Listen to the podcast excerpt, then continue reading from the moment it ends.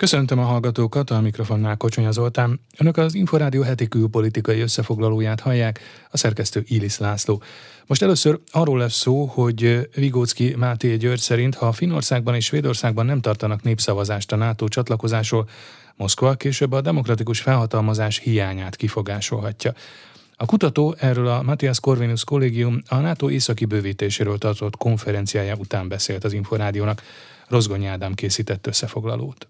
A finn és a svéd kormány egy hónapja jelentette be, hogy kérvényezik a felvételüket a NATO védelmi szövetségébe. A NATO főtitkár helyettesen napokban arról beszélt, bízik abban, hogy az eddig katonailag hivatalosan semleges északi államok, Finnország és Svédország, Törökország ellenvetései ellenére is csatlakoznak a szövetséghez. A NATO egyébként nem látja jelét annak, hogy Oroszország képes lenne vagy szándékában állna katonai agressziót gyakorolni Svédország és Finnország ellen. A Matthias Corvinus kollégium geopolitikai műhelyének Oroszország kutatója szerint várhatóan egyik országban sem tartanak majd népszavazást a NATO csatlakozásról. Vigócki Máté Györgyöt hallják. Nem úgy néz ki, hogy Svédországban és Finnországban lenne egyébként népszavazás arról, hogy csatlakozzanak-e a NATO-hoz. Ez talán úgy is megjelent majd a jövőben az orosz interpretációban, hogy nem volt meg egy demokratikus felhatalmazás ezekben az országokban. Bár én úgy gondolom, hogy az általános közvélemény az mind Svédországban és mind Finnországban az inkább ilyen pro-NATO. A kutató arról is beszélt, hogyan gondolkodik Vladimir Putyin a NATO északi bővítéséről. Úgy áll hozzá, hogy nagyon leegyszerűsítve, hogy nincs gond a finn és svéd NATO bővítéssel, viszont azzal már van, hogyha a NATO infrastruktúrája megjelenik ezekben az országokban. Tehát azt egy ilyen vörös vonalnak jelenítette meg, vagy jeleníti meg az orosz elnök, és az, hogy az alatta lévő beosztottjai, vagy mondom, parlamenti képviselő mondjuk azt mondja, hogy emiatt atomháborút kellene elindítani, azt szerintem érdemes a helyén kezelni, de minden esetre ez egy, ez egy olyan téma, ami az orosz médiának most nagyon fontos részét adja. Az orosz-ukrán háború kezdete óta többször változott, hogy Moszkva mit tekint elérendő célnak, tette hozzá Vigocki Máté György. Amennyire most lehet látni, a katonai cél teljes Donbass elfoglalása, tehát hogyha Ukránát nézzük, akkor a Luhanszki és a Donetszki oblasztjoknak az elfoglalása, amelyeknek a háború elején egy-egy harmadát felügyelte csak a Szakadár, Donetszki és Luhanszki népköztársaság, és most eléggé úgy néz ki, hogy ezeket a területeket akarja elfoglalni, hát saját interpretációjuk szerint felszabadítani, de egyelőre nagyon nehezen adja meg magát Severodonetsk, hogyha ezt elfoglalnák az oroszok, akkor tulajdonképpen Luhansk megye teljes területét elfoglalják, de akkor még ott van Donetsk megyének a területe. A kutató szerint lassan, de előbb-utóbb felőrlik az oroszok az ukrán védelmet Donbassban. Sajátos kötéltánccal kezdte a hetet a NATO főtitkára.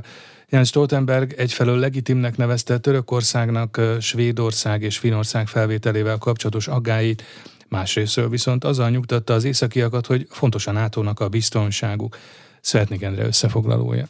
Azután, hogy Oroszország Ukrajna elleni inváziója semlegessége feladására késztette Finnországot és Svédországot, a szövetség leginkább atlantista tagjait feldühítette, hogy Törökország megpróbál gátat szabni a felvételüknek. Most meglepő módon Jens Stoltenberg NATO főtitkár azt mondta, hogy Ankara aggájai úgymond legitimek. Ezek jogos aggodalmak, a terrorizmusról, a fegyverexportról van szó, mondta a NATO főtitkár a finn elnökkel, Sauli Ninisztóval tartott közös vasárnapi sajtótájékoztatóján. Maybe we don't recognize how much Turkey suffers, Turkey suffers Uh. Nem szabad elfelejtenünk, hogy egyetlen NATO szövetséges sem szenvedett el több terrortámadást, mint Törökország, mondta Türkien néven említve az országot, amivel Recep Tayyip Erdoğan török elnök kedvére tett. Mivel a török ellenkezés valamennyire aláásta az Oroszországgal szembeni NATO egységet, a hirtelen jött kedveskedés Ankara felé különösen szembetűnő. Stoltenberg kulcsfontosságú Fekete-tengeri szövetségesnek nevezte a törököket, akik támogatást nyújtottak Ukrajnának. Drónjaikat valóban nagy becsben tartja az ukrán hadsereg. Viszont Kiev azzal is megvádolta a közvetíteni próbáló Ankarát, hogy az oroszok által elrabolt ukrán búzát vásárolt és miközben nemrég még sokan úgy tartották, hogy Finnország és Svédország pár hónapon belül NATO tag lesz, a szövetség főtitkára most arról beszélt, hogy úgymond soha nem volt határidő a felvételükre. Erdoánt különösen Svédország irritálja, mert az ottani parlamentben korábban hat kurd származású törvényhozó ült. Most pedig egy radikális kurd képviselő jelenti a mérleg nyelvét a kormány számára. Az iráni származású Amineh Kakabaveh egykor kurd pesmerga harcos volt, aztán a skandináv országba menekült. Cselédként kezdte, de szociológus lett, és marxista beállítottságú parlamenti képviselő. Most, hogy a kormány az ő szavazatától függ, kiboxolta magának, hogy Svédország azoknak a szíriai kurd csoportoknak nyújtson támogatást, akiket Ankara terroristának tart, és hogy fenntartsa a Törökország elleni fegyverembargót. Közben Stoltenberg Finnország után hétfőn a svéd miniszterelnökhöz látogatott. Itt arról győzködte a közvéleményt és Magdalena Andersson miniszterelnököt, hogy a NATO-nak fontos Finnország és Svédország biztonsága. Elmondta, reméli, hogy a két ország felvételével erősödik az északi és a balti védelmi együttműködés, de azt is reméli, hogy az új svéd fegyverexport törvények tükrözik majd Stockholm úgymond jövőbeli státuszát és új kötelezettségeit a NATO szövetségesek felé. Lehet, hogy Törökországra utalt? Svetnik Endre, Inforádió, London. Törökország Magyarország számára elsősorban geostratégiai elhelyezkedése miatt fontos, mondta az Inforádiónak a Migrációkutató Intézet kutatási vezetője Kalapos Mihály összefoglalója. Azután, hogy Oroszország Ukrajna elleni inváziója semlegessége feladására késztette Finnországot és Svédországot, a szövetség leginkább atlantista tagjait feldühítette, hogy Törökország megpróbál gátat szabni a felvételüknek. Most meglepő módon Jens Stoltenberg NATO főtitkár azt mondta, hogy Ankara aggájai úgymond legitimek. Ezek jogos aggodalmak, a terrorizmusról, a fegyverexportról van szó, mondta a NATO főtitkár a finn elnökkel, Sauli Ninisztóval tartott közös vasárnapi sajtótájékoztatóján. Maybe we don't recognize how much Turkey suffers, Turkey suffers Uh. Nem szabad elfelejtenünk, hogy egyetlen NATO szövetséges sem szenvedett el több terrortámadást, mint Törökország, mondta Türkia néven említve az országot, amivel Recep Tayyip Erdoğan török elnök kedvére tett. Mivel a török ellenkezés valamennyire aláásta az Oroszországgal szembeni NATO egységet, a hirtelen jött kedveskedés Ankara felé különösen szembetűnő. Stoltenberg kulcsfontosságú Fekete-tengeri szövetségesnek nevezte a törököket, akik támogatást nyújtottak Ukrajnának. Drónjaikat valóban nagy becsben tartja az ukrán hadsereg. Viszont Kiev azzal is megvádolta a közvetíteni próbáló Ankarát, hogy az oroszok által elrabolt ukrán búzát vásárolt és miközben nemrég még sokan úgy tartották, hogy Finnország és Svédország pár hónapon belül NATO tag lesz, a szövetség főtitkára most arról beszélt, hogy úgymond soha nem volt határidő a felvételükre. Erdoánt különösen Svédország irritálja, mert az ottani parlamentben korábban hat kurd származású törvényhozó ült. Most pedig egy radikális kurd képviselő jelenti a mérleg nyelvét a kormány számára. Az iráni származású Amineh Kakabaveh egykor kurd pesmerga harcos volt, aztán a skandináv országba menekült. Cselédként kezdte, de szociológus lett, és marxista beállítottságú parlamenti képviselő. Most, hogy a kormány az ő szavazatától függ, kiboxolta magának, hogy Svédország azoknak a szíriai kurd csoportoknak nyújtson támogatást, akiket Ankara terroristának tart, és hogy fenntartsa a Törökország elleni fegyverembargót. Közben Stoltenberg Finnország után hétfőn a svéd miniszterelnökhöz látogatott. Itt arról győzködte a közvéleményt és Magdalena Andersson miniszterelnököt, hogy a NATO-nak fontos Finnország és Svédország biztonsága. Elmondta, reméli, hogy a két ország felvételével erősödik az északi és a balti védelmi együttműködés, de azt is reméli, hogy az új svéd fegyverexport törvények tükrözik majd Stockholm úgymond jövőbeli státuszát és új kötelezettségeit a NATO szövetségesek felé. Lehet, hogy Törökországra utalt? Svetnik Endre, Inforádió, London. Az Ukrajna elleni háborúban jelenleg Donetsk és Luhansk megye elfoglalása Oroszország célja, amiket augusztusra szerezhetnek meg. Erről beszélt az Inforádió Arena című műsorában Kaiser Ferenc, a Nemzeti Közszolgálati Egyetem docense. A biztonságpolitikai szakértő szerint azonban kérdéses, hogy mit lépnek az oroszok ezt követően. A riporter Exterde Tibor.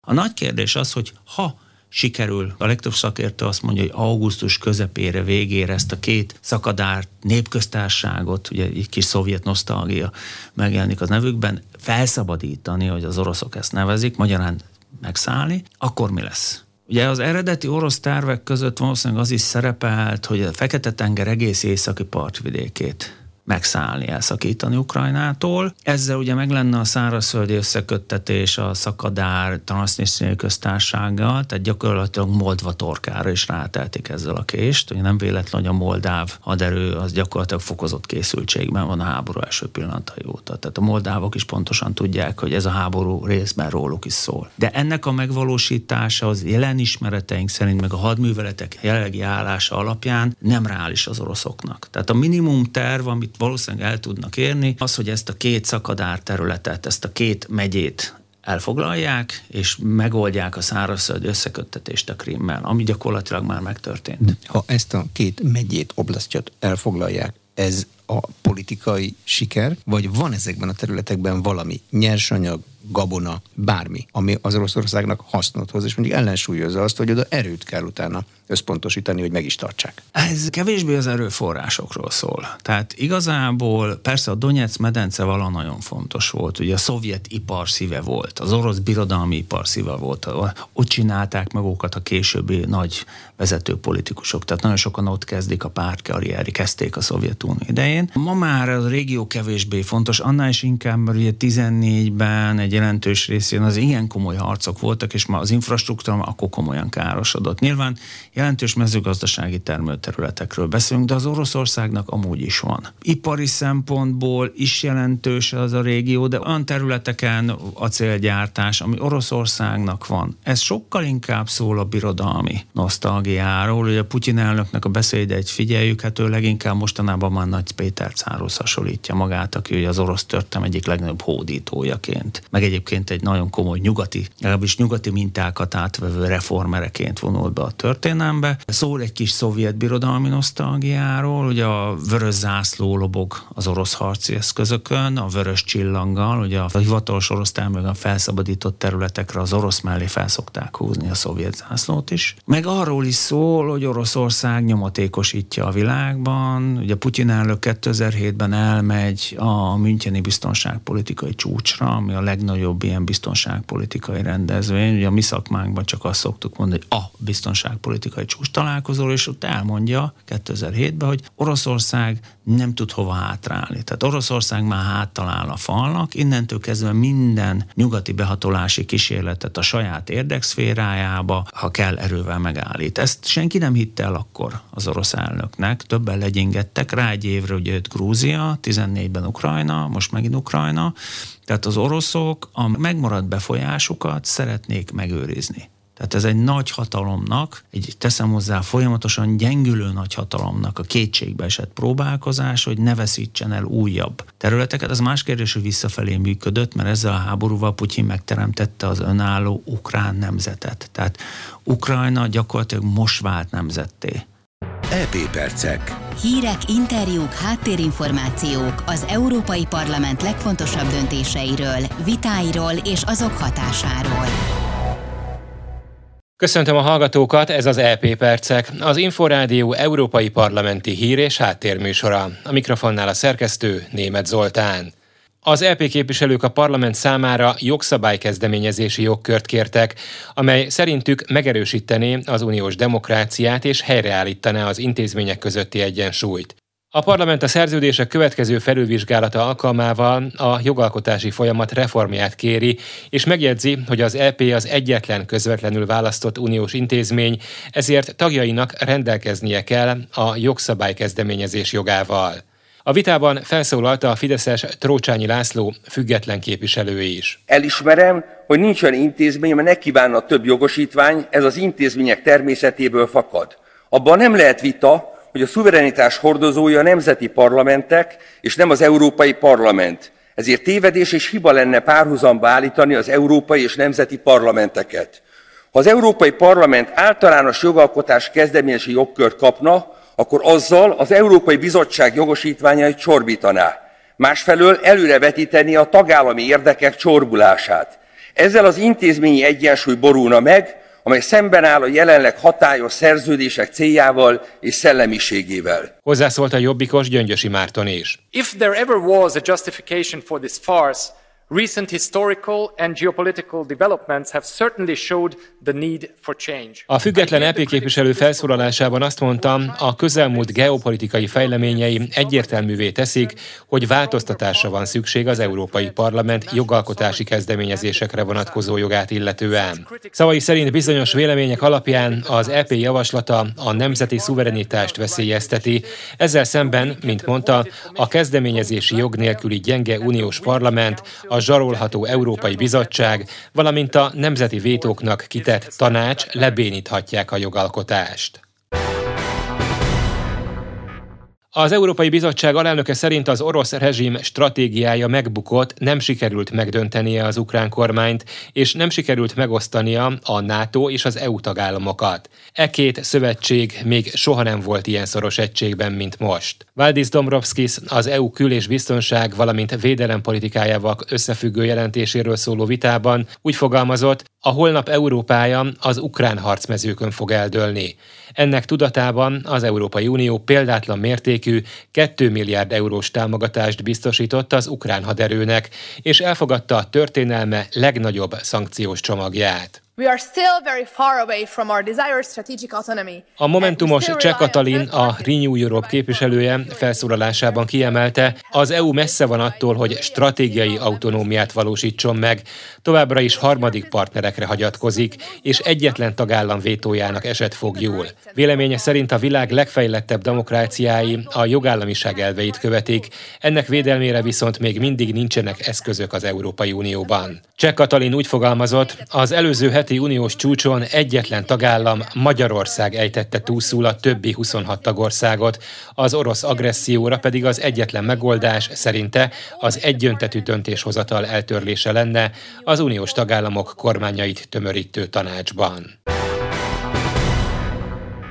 Az Európai Parlament plenáris ülésén állásfoglalást fogadott el, amelyben bírálta az Európai Bizottságot a lengyel kormány koronavírus járvány utáni helyreállítást segítő terve jóváhagyásáért, és felszólította az Európai Unió tanácsát, hogy az összes feltétel teljesüléséig ne hagyja jóvá a lengyel tervet. Mitrovics Miklós történész szerint politikai okok miatt halogatják a terv végleges elfogadását. Azt a lépést, amit követett az Európai Bizottság, a bíróság megtette a lengyel állam, tehát a lengyel kormány, a lengyel szejm, tehát igazából emiatt nem lehetne továbbra is fenntartani, vagy visszatartani a helyreállítási alappénzeit, és hát a lengyel kormány láthatóan ezt követeli is, azt mondja, hogy tessék kérem, ezt szerették volna, mi ezt megszavaztuk, tehát innentől kezdve ott pattog a labda Brüsszelre. Az, hogy vannak, én úgy láttam legfőképpen mondjuk, hogy az Európai Parlament és a liberális tagjai kritizálják eh, van Leident emiatt, hogy hát lényegében kezet adott a lengyeleknek ebben az ügyben. Ez azért annyira nem meglepő, hiszen azért, hogy a, a lengyel kormánypártot, a jogos igazságosságot, azt gondolom, hogy ettől a döntésétől függetlenül Európában nagyon sokan nem szeretik. Az Európai Bizottság június 1-én fogadta el a koronavírus járvány utáni gazdasági helyreállítást célzó lengyel tervet, amely majdnem 24 milliárd euró visszanemtérítendő támogatást és 11,5 milliárd euró kölcsön kölcsönt biztosít Lengyelországnak. A brüsszeli testület szerint a lengyel terv átfogó és megfelelően kiegyensúlyozott választ ad Lengyelország gazdasági és társadalmi helyzetére, valamint megfelel a helyreállítási eszközzel összefüggő elvárásoknak. A DK-s Rónai Sándor és Molnár Csaba szocialista LP képviselők Facebook posztban jelezték, Paks 2 ellen szavaztak az Európai Parlament gazdasági és környezetvédelmi bizottságainak együttesülésén. E hét kedden arról is döntöttek, hogy a jövőben uniós pénzből ne lehessen finanszírozni olyan atomerőműveket, amelyek nem felelnek meg a zöld, fenntartható követelményeknek. A politikus szerint ezzel a döntéssel közelebb kerültek ahhoz, hogy az unokáinkat is eladósító orosz gigahitelből építendő, elavult orosz technológiát használó Paks 2 atomerőmű ne épülhessen meg.